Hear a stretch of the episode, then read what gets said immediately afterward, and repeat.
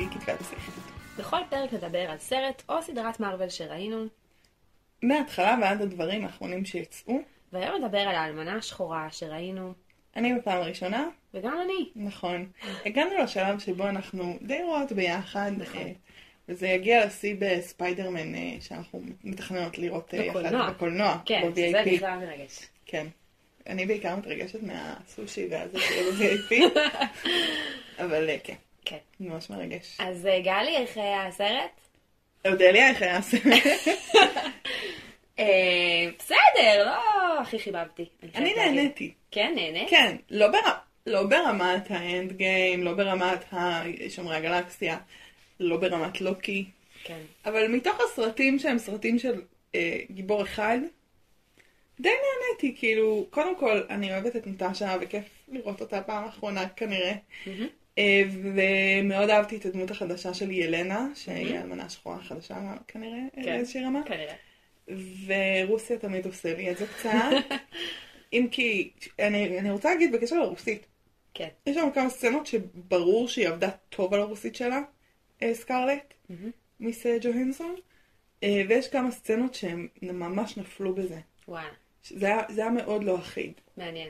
כן, אבל זה, זה, אני אוהבת, מעניין. מהמם. אה, אני אוהבת שזה היה מין אה, סיפור משפחתי כזה, זה לא גאוני, הם נפלו להמון קלישאות. כן. אבל אה, נהניתי, ואולי מה שקרה זה שהרסת אותי, ועכשיו אני אוהבת סרטי אקשן, אני לא יודעת, אולי זה המצב. מה עשיתי לך? מה עשית לי? אה, אני חושבת שאני קצת התאכזבתי, כי נורא חיכינו שכבר יהיה לאלמנה השחורה סרט. כי כזאת, היא גיבורה, היא ב Avengers, וכאילו לא שמים עליה. כן. ועושים אפילו סרט לאיש שאין לנקוב בשמה. ולה לא עושים סרט, וזה כן. מעצבן, זה כאילו לא פייר, זה, זה לא הגיוני שהגיבורת העל הראשונה שעושים עליה סרט זה לא האלמנה השחורה. יש בזה משהו. מאוד לא הגיוני. לגמרי.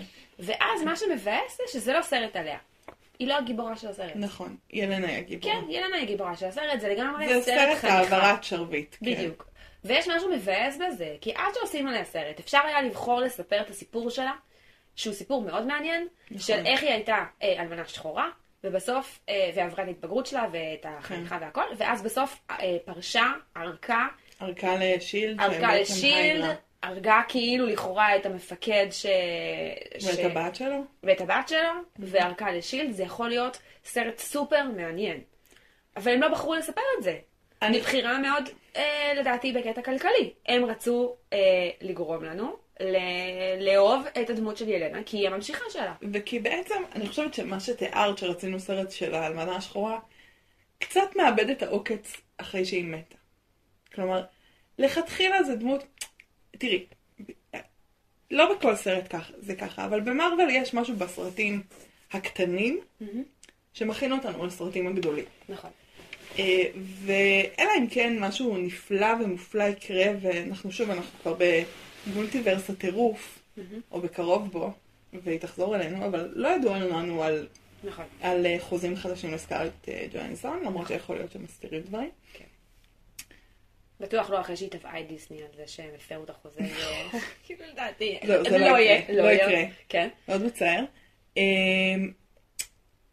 אז כאילו יש משהו קצת אה, בלי העוקץ, לכתחילה. בסדר, זה מראש, כי הם עשו את הסרט הזה אחרי שכבר הדמות שלה מתה, זה כלומר, מעצבן. הצורך הזה של, ה, ה, של הצופים שלנו לראות סרט עליה קצת לכתחילה איבד את העוקץ אם הסרט יוצא עכשיו. נכון, וזה מעצבן. יש בזה משהו זה. ממש מעצבן, לגמרי. אז, אז מבחינתי זה היה סרט מאוד מבאס על האלמנה השחורה, אבל אחלה סרט על ילנה, שהיא דמות שפגשתי ופתאום הכרתי אותה. ואנחנו מתים עליה. כן, כאילו, ו- היא דמות ששבתה את ליבנו בדיוק, בגדול. ו- והם עושים את זה בצורה מאוד מעניינת, כי, כי הם משתמשים באלמנה השחורה כדי לבסס את הדמות של ילנה, ולכן. נגיד חייבת להיות להם סצנת קרב מטורפת ביניהן. כדי להראות שהיא בדיוק, ברמה שלה. בדיוק, כי אחרת היא לא ברמה שלה, אז זה לא שווה, כי היא אחותה הקטנה. אם אז כי סם לא ברמה של אה, אה, סטיב, אבל בסדר, לא משנה. אנחנו, סם הוא קפטן אמריקה. אני חושבת שאנחנו כבר לא נדבר גם עליו. כן, הוא, כן, הוא לא מעניין במיוחד. כן. אז, אז אנחנו מקבלים כן סרט מאוד מאוד מעניין על ילנה, למרות שעדיין אני חושבת שזה סרט כבד מדי. יש בו קטעים הוא מאוד כבד. מאוד מאוד קשים. הוא סרט, בואי, הוא עוסק בנושאים של סחר בנשים וסחר בילדים, התעללות בילדים. התעללות בילדים, של אה, המלחמה. הקרה והלא קרה, נכון. של אה, אה, משפחות קרועות. אלימות מכל הסוגים שלה. זה סרט מאוד אלים, אני רוצה להגיד, היה המון סצנות קרב, שהיה לי לא נעים לצפות בהם. כן? אחרי שלי דר דר דביל היה כאילו- נורא חשוך, רוב הזמן לא ראיתי מה קורה על המסך, אני רוצה להגיד. איך את רואה דר דביל? באיזה מסך? אה, במחשב, לא משנה. כן. אמ, היה ש- משהו בקרב הזה שלהן, ויש כמה קרבות כן. שמטיחים את הראש של, של כן. נטשה שוב ושוב כי זה ומשהו. אלימות פרקטית כזאת. של זה, זה מאוד ניכר, זה לא.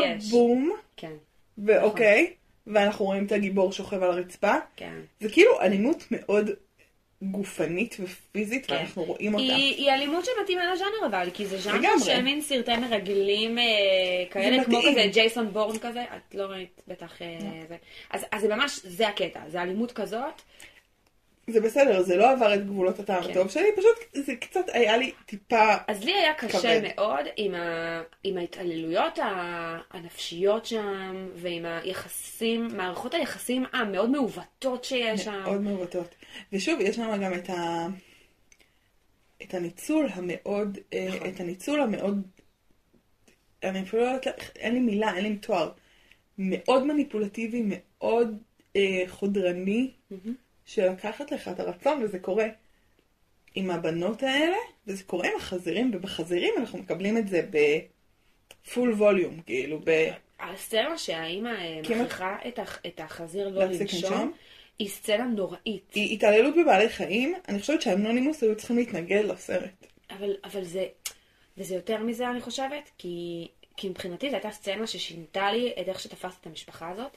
כי יש משהו בהתחלה של הסרט שבונה משפחה שהיא מעוותת לגמרי. אבל האמא, לאמא בדיוק. אכפת. אבל האימא היא כאילו זאת שאכפת לה. אבא הוא כאילו מאוהב ברוסיה, בברית המועצות, הוא כן. מאוהב במטרה, ב- בדבר הזה, ומבחינתו האידיאלים לפני הכל. הוא גם לכתחילה, עם הילדים, הוא בא מהעבודה, עוד לפני שהבנו מה. העבודה שלו. בדיוק. הוא בא מהעבודה והוא לא פנוי. בדיוק. אז יש לנו איזה מין אבא כזה שלא אכפת לו באמת, והאימא היא באמת מחוברת רגשית, ואז את קולטת שזה לא באמת משפחה. שהיא פסיכופתית גם. בדיוק, ואז עם החזיר, את קולטת שהיא המעוותת פה. היא פסיכופתית לא ברמות. האבא הוא המעוות. הוא נרקסיסט עלוב. אבל, אבל, בסוף יש לו אפילו יכולת ל- לקצת חמלה כלפי הבנות שלו. נכון. לה אין חמלה. יש לה חמלה, אבל... היא מצ... כן מצליחים להפעיל אותה. נכון, אבל עדיין, הבנות. הסצנה עם החזיר, היא היא כאילו גורמת נורא. לך להבין שהמשפחה הזאת מעוותת מהיסוד שלה, אין שם שום דבר נורמלי במשפחה הזאת. ממש. אה, מזעזע מזעזע. לחלוטין. ובעיניי, לכן זה סרט קשה. זה סרט ש... סרט מאוד קשה. הוא לא קשה, הוא לא קל לצפות בו. אני חושבת שבכלל כל הגילוי של הסיפור של, אה, של נטשה, היא דמות שהולכת איתנו כמעט מההתחלה מאיירון מן השני. נכון. היא דמות שאיתנו הרבה זמן, אנחנו מכירים אותה, אנחנו אוהבים אותה, אנחנו יודעים בוודאות שהייתה לה ילדות messed up. כן. כן? כי היא, היא מאוד מאוד קשה והיא מאוד קשה לה לתת שיאהבו אותה. אבל אנחנו כאילו נחשפים לכל ה shit הזה, וזה מסביר לנו יותר טוב את נטשה, זה מסביר לנו גם יותר טוב למה ה Avengers כל כך חשובים לה. אפילו לא S.H.I.E.L.D, ב S.H.I.E.L.D היא הייתה חיילת. ב Avengers היא אחת מהקבוצה, היא ב team, היא חשובה. זה משפחה. כן. משפחה, ולא סתם יש לה קשר כזה מיוחד עם סטיב, שהוא גם, נדבר עוד מעט על האבא, שהוא דמות אב, ולא סתם, אני חושבת שהקשר עם ברוס כל כך נגע לליבנו ולליבה, כי באמת נכון. יש שם איזו ראייה הדדית. נכון, ולא סתם אנחנו גם רואים אה, באולטרון, אני חושבת, שהיא מגיעה לבית של אה, הוקאי, ורואים שהיא כזאת מין הדוד, מהמשפחה, הדודה כן. המגניבה כזאת, היא כאילו ממש חלק מהמשפחה. כן, כאילו זה יקר לה, וזה גם חלק מה... והקשר עם הוקאי יקר לה, כלומר יש שם, באמת, אני מרגישה שזה שופך לנו אור בצורה של ניגוד. מהמם. לכל הנוכחות שלה ב Avengers. אולי גם בגלל זה היא קיבלה כל כך קשה את, את, אה, את ה Blip, ובעצם היה לה משהו שהרגישה שהיא החזיקה בידיים והיא איבדה גם אותו. אה, שזה, שוב, אני מרגישה שכן למדנו עליה. זה פשוט כבר לא כל כך רלוונטי, וככה גם היוצרים מתייחסים לזה. נכון. אה, אבל בוא נתחיל רגע מההתחלה.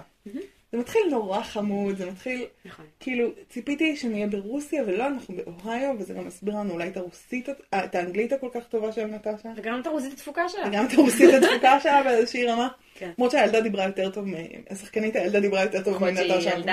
אה. כנראה, כנראה שבשלב הזה כבר חיפשו שחקנית דוברת רוסית. דוברת רוסית ואנגלית. כן, וכשליהקו את סקארלט ג'ונסון אמרו, היא מאוד יפה והיא שחקנית בסדר. כן, שחקנית טובה, כן? אבל אני לא חושבת שזה מאוד עניין אותם. כן. בכל מקרה, אמ, אנחנו בהתחלה רואים איזו משפחה, והיא נראית משפחה נורמלית. אה, האמא קוראת לבנות, ארוחת ערב, האבא מגיע לעבודה, ואז קורה משהו, ו- ויש לזה המון כזה רפרנסים בכל מיני, אה, בטלוויזיה, זה מאוד האמריקאי, נכון, נכון? זה כאילו ממש זה, רק כאילו 20 שנה קדימה, כן. כלומר זה ממשיך לקרות המלחמה הקרה באיזושהי רמה. אה, וזה מזכיר קצת את אה, אנחנו המילרים, שזה גם, אה, זה סרט, זה קומי, סרט על בעצם מרגלים שהם משפחה. שהם כאילו משפחה ובאמת הם לא קשורים. כלומר זה, זה משהו שאנחנו מכירים ואנחנו אומרים אוקיי לאן זה ילך. וזה הולך למקום הכי גרוע שיכול להיות. ואז, ואז אנחנו מגיעים לסצנה של הסחר בילדים. שהן כמעט בלתי אפשריות לצפייה. נכון. ממש. זה רע, זה, זה, זה, והסיפור שזה קיים. אה, אמנם אני לא חושבת שקיימת רשת מרגלות הנקראת אלמנות, אה, שהן כולן גם הורסות ויפות ו- ומסוכנות. אולי יש, אודליה עושה לי פרצופים של אנחנו לא יודעים, אבל אה, אנחנו יודעים שיש סחר בילדים, ואנחנו יודעים שיש על זה גם הרבה מדיה עכשיו, הרבה נכון, דוקומנטריים. וזה גם מאוד נמצא באזור של רוסיה. זאת אומרת, לגמרי, זה ילדים מרוסיה ש-. שנמכרים ל- כן, כי הן לא כזה בלונדיניות יפות כאלה. למערב וכאלה. זה. גם סחר בנשים, ובאמת גם סחר ב- ממש בילדים. אמ, זה באמת נורא נורא נורא קשה. ממש, כן, סצנה מאוד קשה. אמ, אני לא יודעת אם זה קשה באותה מידה לגברים, זה מעניין. אני לא יודעת, אבל כאישה יש בזה משהו... מאזיננו הגברברים. לא, אה, באמת, הביעו זה. יש שם סצנות מאוד מאוד קשות. את צודקת, כן. לגמרי. אמ, כולל סצנות שהיא מדברת על איך מוציאים את הרחם, ועושים זה, כאילו יש שם כן. משהו גרפי כזה. אני חושבת שגם יש משהו גרפי, כי יש פה מפגש של תרבויות. מאוד חזק בין התרבות האמריקאית, שבה יש מקום לרגש, מהמם. לבין התרבות הרוסית, שאין בה מקום לר- לרגש. אז בתרבות האמריקאית היא יכולה להגיד לברוס, אני לא יכולה בילדים, אני מאוד, כאילו, אני פגומה, תאהב כן. אותי. ושם היא אומרת, חכה, אין לי רחם, לקחתם לי את זה. כלומר, היא חייבת להגיד את זה ככה. מעניין. אה, אולי תגידי משהו בכלל, אז בהקשר אני לתרבות אגיד, אני הרוסית, כי זה. מאוד מעניין לשמוע מה יש לך להגיד. אה, אז אני, אולי, כאילו אתם כבר יודעים, גם המאזינים, שאני באמת מגיעה ממשפחה לא רוסית, אבל אה, ברית המועצותית. ממולדובה ומאוקראינה. ואני אני עסוקה בשורשים האלה שלי, גם כי מאוד גדלתי, על, נולדתי בארץ, אבל מאוד גדלתי על הסיפורים משם, אבא שלי יש לו את הסיפור שלו עם הקג"ב, היה סרציון, לא משנה, אבל כאילו הבית תמיד התעסק עם שם. כן. אמ, ומה שלמדתי לאורך השנים, אני חושבת ככל שהתבגרתי והפכתי להיות יותר אני ויותר ישראלית ויותר ממוקמת, לא רק בזירה המשפחתית, הוא הפער הרגשי העצום, הלא ניתן לגישור, בין העולם המערבי לבין העולם הברית המועצותי הרוסי. יש איזה פער ברמה הרגשית ש... שאי אפשר לתפוס אותו. כי המדע שלהם כל כך מתקדם, כי הם אנשים... כלומר, רוסיה היא לא אפריקה והיא לא איזה מדינת עולם שלישי, למרות שהיא יכולה להיות מאוד ענייה. והיא מפותחת בהרבה מובנים, כלומר, טכנולוגית, החיסון שלהם לא טוב כמו של פייזר, אבל יש להם חיסון. כן. ורגשית קורה שם איזה פער שאי אפשר לתפוס אותו. כאילו, כלומר, כל דבר שיכול להיות מוסבר במדע, ברפואה נגיד, הוא, יש לו מקום, וכל דבר שלא, אז פשוט אין לו מקום. אני חושבת שברור שזה מש, משתנה, וכמו כל חברה סגורה, נכנסים אליה לאט לאט כל מיני השפעות מבחוץ. אני חושבת שאחת הדוגמאות אה, הכי חזקות שהיו לי בחיים שלי, אני אספר את זה, סיפור כזה שהיה לי, בבית. יש לי הורים מקסימים ומתוקים, והם לא התעללו בי והכל בסדר. אבל אבא שלי באמת מאוד מבוגר, כלומר, הוא, הוא נולד בשנות ה-40, הוא גדל באיזה רוסיה שהייתה מאוד פוסט מלחמתית, אה, ומאוד, כאילו, מאוד אה, באמת קומוניסטית של פעם. הוא נולד כשסטלין היה. כן, וואו. אה, נראה לי. וכל כל הסיפור הזה של הלכתי ללמוד טיפול, מבחינתם אני גם פסיכולוגית, אבא שלי חושב שאני פסיכולוגית, שזה המקצוע שלי. אה, זה מאוד כאילו מפתיע את ההורים, את אבא שלי בעיקר, הוא כאילו קצת מנסה כל הזמן לתפוס מה זה הדבר הזה. ופעם הוא ביקש ממני משהו, משהו בשנים האחרונות, והוא ביקש אותו בכזה, הוא קצת צעק עליי, לא איזה משהו דרמטי, הוא אמר, "אה, תעשי. ואמרתי לו, "אמ, למה אתה צועק עליי? אם היית מבקש את זה יפה הייתי רוצה לעשות את זה, ועכשיו לא בא לי. כאילו. אז הוא אמר לי, בסדר, אני לא למדתי את כל הפסיכולוגיה שלך. עכשיו, הסתכלתי עליו בהלם, אמרתי לו, מה? פסיכולוגיה?" מה הקשר? בגן ילדים, הגננת אמרה שאם אני אבקש יפה אז... כן. אז הוא אמר, הוא הסתכל עליי, והיה לו איזה אבל בעיניים. הוא אמר לי, אף אחד לא אמר לי שום דבר כזה בגן. גן ילדים בברית המועצות. זה מקום שהילדים מגיעים אליו, שוהים בו, משחקים בלי לשבור שום דבר, בלי להרוס שום דבר, בלי צורך לערב את המבוגר. אם המבוגר יתערב כבר, קרה משהו מאוד רע, ואתה תעוף משם. אמ, כאילו, וההורים שלך יודיעו להם, והמפלגה, כאילו, מין גלגלים כאלה. ולא אומרים לך שום דבר רגשי, ולא מלמדים אותך שום כלי חברתי. וזה לא רק גן ילדים, זאת התרבות, תרבות מאוד של, של, מאוד של הקונקרטי, מאוד של הכיבוד, של הלכבוש ולהשיג, אה, שאין בה בכלל מקום של הלהיות או מקום רגשי. אה, ואני מרגישה שזה זה ממש בשורש של ה... כלומר, גם בסרט, ברגע שמפצלים אותם, יש איזה משהו כזה מאוד, בסדר, את תתמודדת עם זה, היא תתמודד עם זה, זה מה שהמדינה צריכה, זה מה שצריך, זה היש. צריך לעשות את זה, תעשו את זה. אמ, בכלל, בלי שום אה, התחלה של מחשבה, כלומר, אנחנו כבר מדברים על שנות ה-90, זה אפילו לא שנות ה-70. שנות ה-90, אנשים שגרים בארצות הברית, יש איזו הבנה שצריך לדבר עם ילדים לפני פרידה, או... אבל כאילו אין שם שום דבר מזה, יש שם משהו כזה משימתי ועקר, שאין בו בכלל מקום ל... ל... להרגשה. ואני חושבת שבמובן זה ברור שהעוול הכי גדול נעשה לילדות. אבל נעשה עוול גם להורים. נכון. כלומר, זו משפחה שהתפרקה, וכולם התפרקו, וכולם נשארו לבד אחריה. הסיפור הזה של, של ברית המועצות, של אף אחד אף פעם לא לבד, כי אנחנו כולנו יחד, הוא סיפור סופר בודד. יש קטע כזה, שהרבה פעמים, סליחה, אני הולכת, אם יש לנו מאזינים אה, יוצאי ברית המועצות, אני אני מקווה שככה תקבלו את זה בפרופורציה של זה. יש משהו באנשים שהם מברית המועצות, שהם יותר קרובים לספקטרום האוטיסטי. לא בגלל שגנטית קורה שם משהו אחר. בגלל שספקטרום האוטיס... האוטיסטי קשור לחוסר פיתוח של כלים חברתיים ורגשיים. וזה מה שקורה שם, אוקיי? כאילו, עכשיו, ברור שעם השנים זה מתרכך, וברור שמי שיצא משם והגיע למקומות אחרים, זה יתרכך. אבל משהו בסיסי בדבר הזה, גם אני, גם אני אוחזת בדבר בסיסי כזה, שבו אם קורה לי משהו רע, אבל לא מתתי, זה לא משהו בגוף, זה לא פצע, אז אני, ייקח לי זמן להבין שאני צריכה להתייחס לזה. גם אם זה רגשי, למרות שאני מטפלת ואני בטיפול נצח. אבל כאילו משהו בבסיס של ההתייחסות הקונקרטית למה שיש, זה ממש חזק שם. ממש מעניין. זה מעניין בגלל שיש משהו בזה שהנשק של החדר האדום, איך שהם קוראים לו, זה לשלוט על המחשבות שלהם. וחשבתי על זה שכאילו יש משהו בשלטון טוטליטרי. שזה מה. שהוא מנסה לעשות. זה כאילו הקצנה של קג"ב וכל הדבר הזה.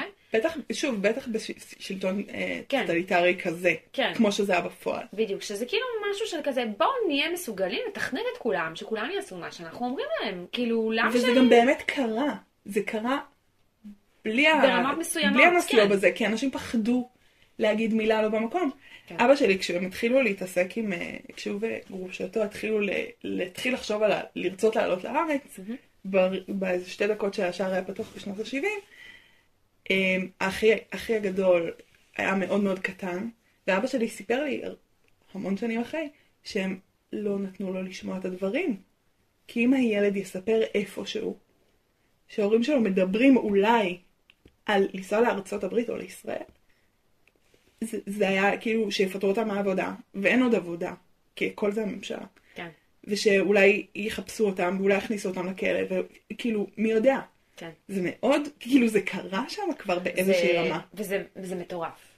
זה מטורף כי. כי באותו זמן, בארצות הברית יש לך אה, פסטיבלים של... אה, Peace and love. כן, לגמרי. כאילו חופש אה, זה, ובואו ניקח מלא סמים ונעשה מה שבא לנו, וכאילו... מהמם.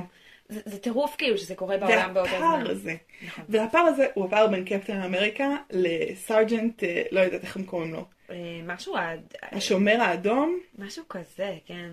לא כתבתי את זה לעצמי. לא נורא. סליחה, אני לא זוכרת. זה באמת הפער הזה, והוא פער בלתי נתפס, כי, ב- כי בואו נחזור לסטיב רוג'רס, החף מרבב, כן.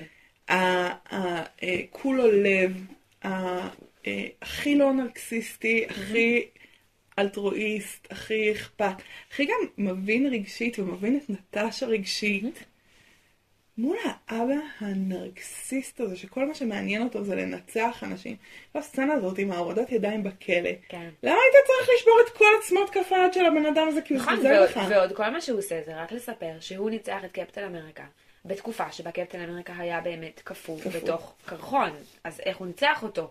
יש שם כאילו משהו שהוא באמת לא הגיוני. שזה נגיד מאוד, שוב, סליחה, אני חוזרת, זה מאוד מתאים לסוג התעמולה הסובייטית שהיה. של להמציא פשוט. של להמציא, זה ההורים שלי הבין, אבא שלי מספר שהוא הבין באיזשהו שלב שאם הוא רוצה לדעת מה באמת קורה בחוץ, הוא צריך לחפש גלי רדיו זרים שהוא יכול לתפוס, כי אין לו מושג.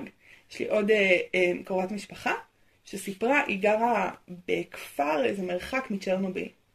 היא סיפרה שאחרי צ'רנוביל הם גילו שמשהו קורה בצ'רנוביל בשתי דרכים. אחת זה שלאחד מהם היה מד קרינה בבית, כי הוא עבד באיזה משהו, והוא וואו. קלט שהמד קרינה משתגע, וואו. והם קלטו איזה משהו בגלים, אה, גלי רדיו אה, זרים. כן. ואז הם הבינו שקורה משהו, ואז הם התרחקו וזה, ומדדו קרינה על אוכל שהם אכלו וכאלה דברים. וואו. אבל כאילו יש, היה שם משהו כל כך פולסי, כן. כל כך פולסי, כל כך שקרי, ש, שזה בדיוק זה. בדיוק האבא, בדיוק. שמחזיק איזה פאסון שהוא הוא מגוחך. זה מדהים כמה הפאסון הזה מגוחך, וזה משל מאוד חזק לרוסיה. מאוד כאילו חזק. להחזיק איזה פאסון של... ראית שאנחנו ניצחנו, תקשיבי, היה להם בעיתונים, סליחה, אני באיזה זה, אבל היה להם בעיתונים אה, אה, תמונות של הומלסים בארצות הברית, ותואר כמה ארצות הברית ענייה ורעבה, וזה עכשיו כאילו, בואו, כן. בואו, כאילו. אמא שלי נכון. עמדה שעה בתור כדי לקנות ביצים, ונגמרו הביצים עד שהגיעה, על מה אתם כן. מדברים כאילו? אז, במובן הזה אני, אני תוהה כאילו מה אנשים ברוסיה חושבים על הסרט הזה, כי יש שם ביקורת אמריקאית אני מאוד חזקה. בטוחה שהם לא אוהבים אותו.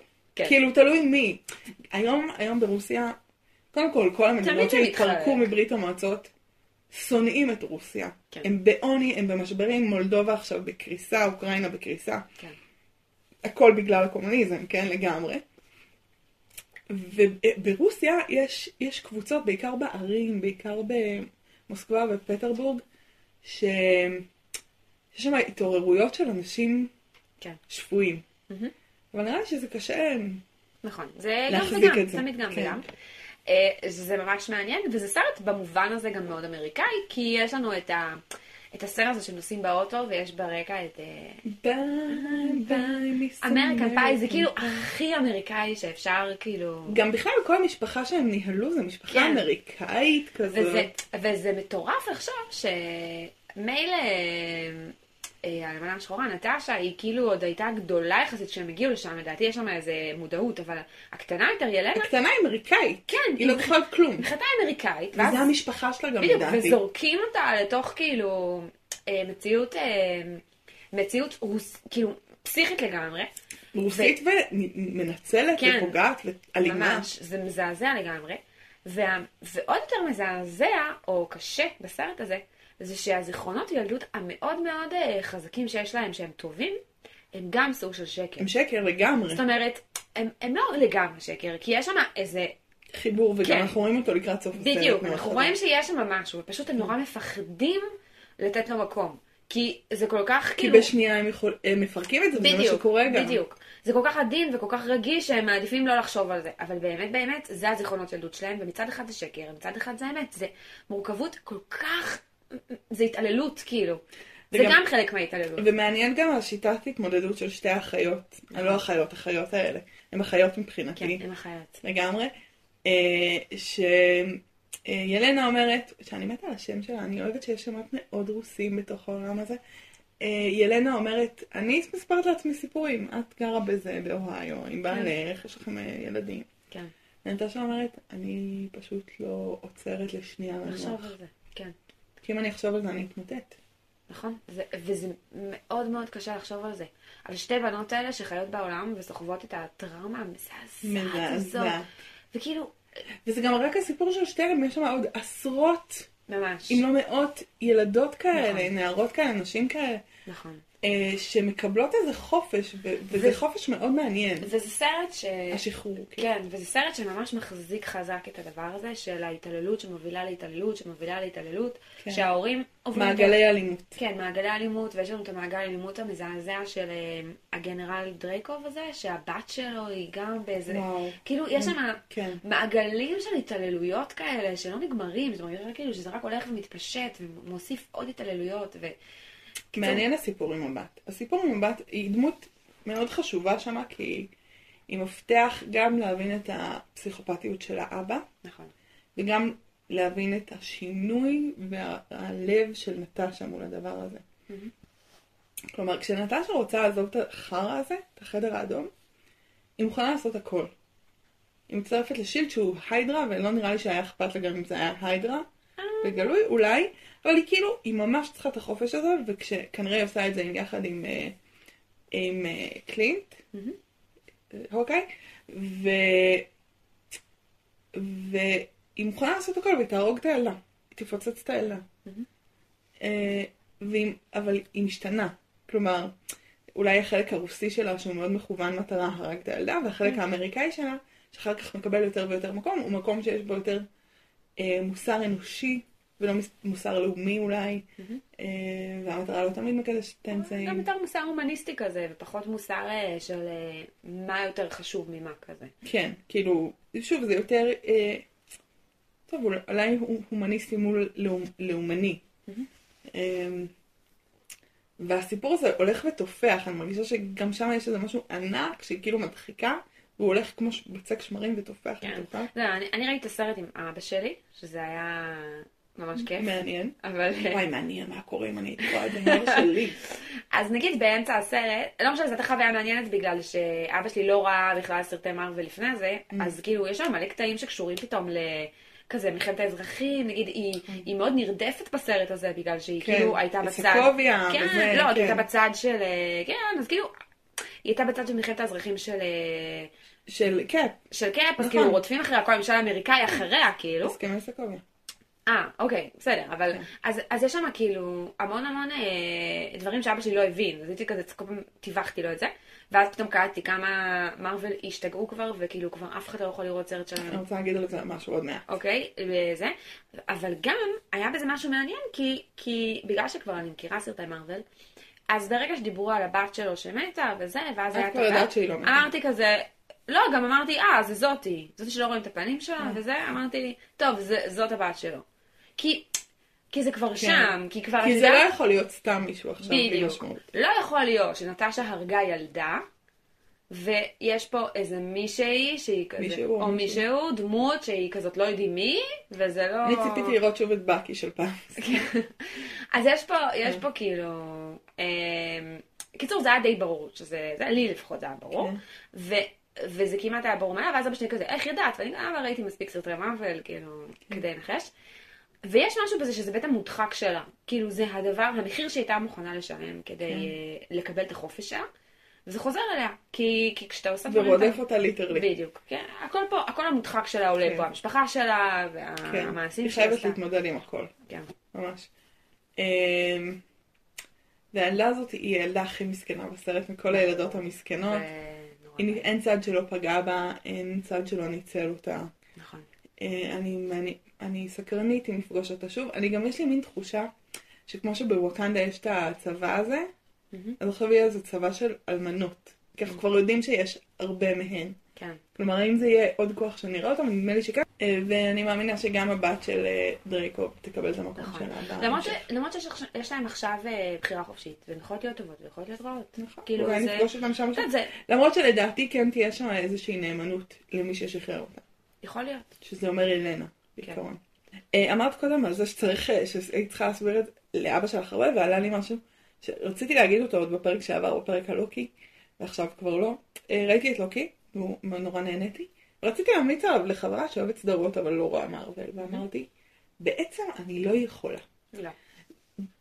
אני עכשיו מבינה מה שאמרת הרבה הרבה קודם. כלומר, כבר נהיה פה איזשהו עולם שאי אפשר לראות משהו בלי לראות כן. הכל או את רוב מה שלפני. גם, גם עכשיו אני חושבת עם כל הדיבור על ספיידרמן החדש, שאולי כשהפרק הזה יצא כבר כולם יראו אותו, אנחנו עוד לא ראינו אותו. אבל מה צריך לראות לפני? מה חייב לראות לפני? מי יכול ליהנות מזה ומי לא יכול ליהנות מזה? אני חושבת שזה סוג של סרט שאלמנה שחורה, אני לא חושב, אפשר לראות אותו וליהנות ממנו, אבל כאילו אין שום הקשר. אבא שלי נהנה. כאילו, זה סרט אקשן, את מבינה את העלילה, את מבינה את כן. הגיבורים. אני חושבת שהבעיה של מארוול זה שהם הולכים ויותר מדי אה, בונים הם ציפיות. כולאים את כל אחד בשני. כן, וזה כאילו נורא יפה, ומצד שני זה כבר נהיה אה, סוג של בלתי אפשרי. וגם כאילו מובן מאליו, אנחנו כאילו כבר מצפים מהם לעשות את זה, וכשהם לא עושים את זה, כשזה רק סרט קטן, נכון. שזה אכזבה. אלא אם כן זה עשוי טוב כמו לוקי. אה, אני חושבת שפשוט באיזשהו שלב, בסוף זה יתפוצץ. כאילו, בסוף זה כבר יגיע למצב שלא יכול להיות שאתה מוציא סרט שצריך לראות 50 סרטים כדי להבין אותו. בסוף זה יקרה. בסוף אנחנו נגיע לנקודה הזאת שבה אה, זה פשוט יצטבר יותר מדי. אולי זה יקרה כשיהיו, כשיהיו רק דמויות חדשות. אני מחכה לראות את שאנג צ'י, לא מאוד, אבל מחכה, ואני מחכה פחות, אבל בסקרנות לכמה זה גרוע לראות את הנצחיים. כי נגיד הנצחיים, לפי ה cast אה, שחקנים שם לפחות, אין שם אף אחד שראינו כבר. נכון. בשונה מנגיד אה, דוקטור סטרנג' במולטיברס הטירוף, ש... נכון, אבל זה, בעיניי זה עוד יותר מעצבן, כי אני אומרת לעצמי, לא מספיק האנשים שאני עוקבת אחריהם, עכשיו אתם רוצים להוסיף לי עוד אבל איזה גם שמונה הורידו לך אנשים. מלא אנשים. נכון, אבל... עשו לך הנחה, אבל אבל קיזזנו את קאפ, קיזזנו... כל דמות שהם מורידים, הם מוסיפים מישהו במקומו. נכון. הם הורידו את קאפ, אז הם הוסיפו לנו פתאום את את אה, סם. את סם. הם הורידו לנו את האלמנה השחורה, אז הם מחליפים אותה בילנה. בילנה. כאילו זה ממש ברור שהם מחליפים אחד בשני, וכאילו...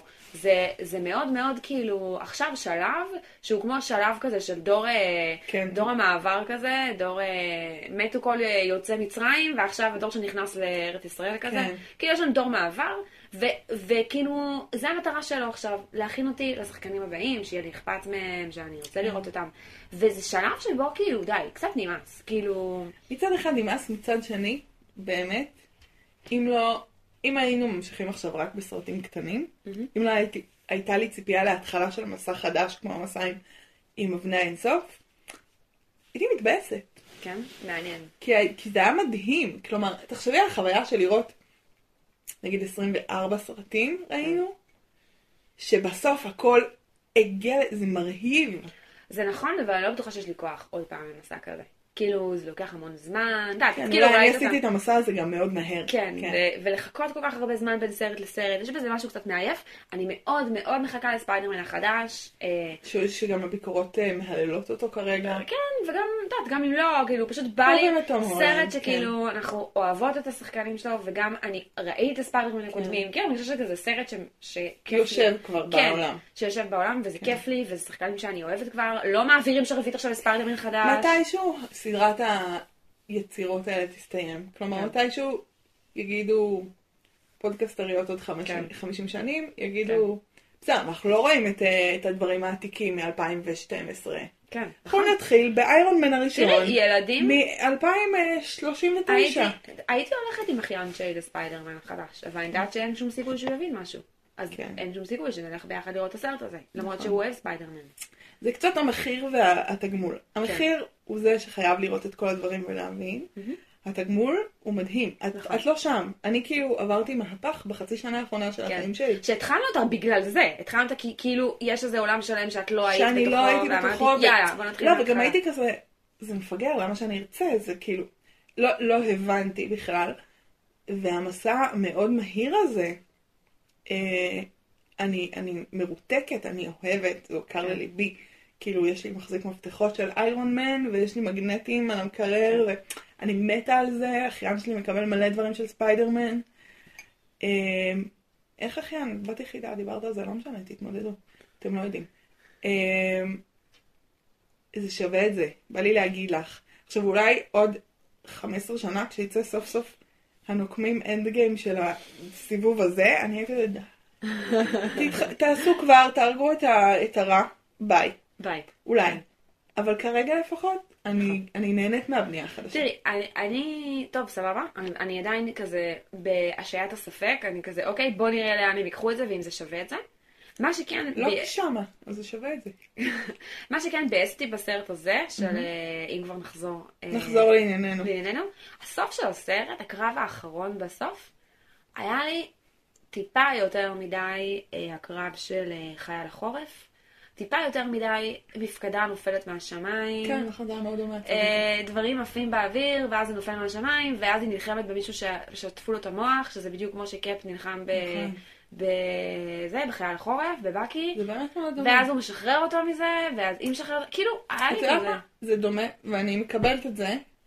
זאת אומרת ש- שזה קצת חסר מעוף. כן. מעוף, ראיתם מה עשיתי שם? כן, לא משנה. מצד שני, אנחנו גם יודעים שבמרוויל יש כל מיני הקבלות. שזה גם מעניין. אז אם יש לנו את בקי שעובר איזה תהליך, מעניין מה יהיה עם. נכון. עם הבת הזאת, שאנחנו לא בטוחות אם קוראים לה אולגה. או אולגה. אחד מהשניים. או, או, ש... או שלא. אחד מהשניים. או שאנחנו ממש גזעניות, אנחנו ממציאות לה שמות אני לא רוסים. יכולה להיות ממש גזענית, אני יכולה להיות רק לך קצת מותר, גזענית לך מותר, רוסים. אבל- אבל אני אני כן יכולה לצאת פה כזאת גזענית. גזענית. כזאת anyway, אה, יכול להיות שיש פה הקבלה ויכול להיות שיש פה דמות ש... תמשיך איתנו. יכול להיות. אם היא תהיה ברמה של בקי, לא, אני בעד. יש מצב שתמשיך, יש לה בקומיקס הזה הקשר, אבל כן. אה, אבל אה, בסדר, כאילו, כן. סבבה. אה, אני התבאסתי על המסלול של...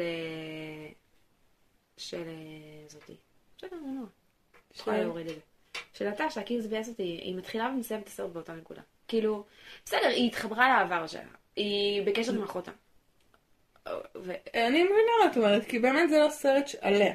אם זה היה כן. סרט עליה, הייתה עוברת איזה מהלך. היא באמת, כאילו היה...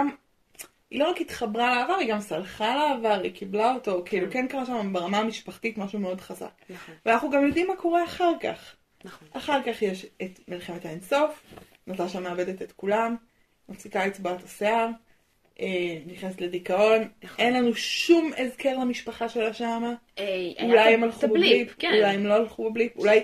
דרך אגב, אולי זה הסיבה שחיפשת ללמה היא כל כך בדיכאון. אולי היא איבדה שמה את כן. ילנה או את אחד ההורים, או את ש- כולם, לא יודעת. אה, זה יכול להסביר לנו, אבל כאילו קצת... ב... לא הבנתי את הסדר של הסרטים, בסדר, לא משנה. כן.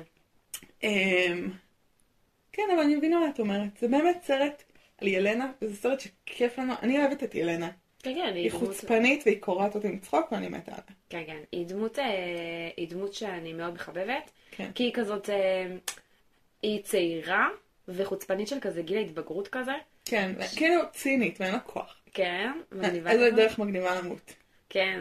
זאת לא דרך מגניבה זאת לא למות. דרך מגניבה או למות. שהיא צוחקת על, אה, עליה על זה שהיא קופצת ונוחתת על ה... אוי, זה נהדר. כי זה נכון. כי זה נכון, זה ממש מפגר. וזה נכון, כי ככה מרוויל עשו את זה. ברור. כי היא...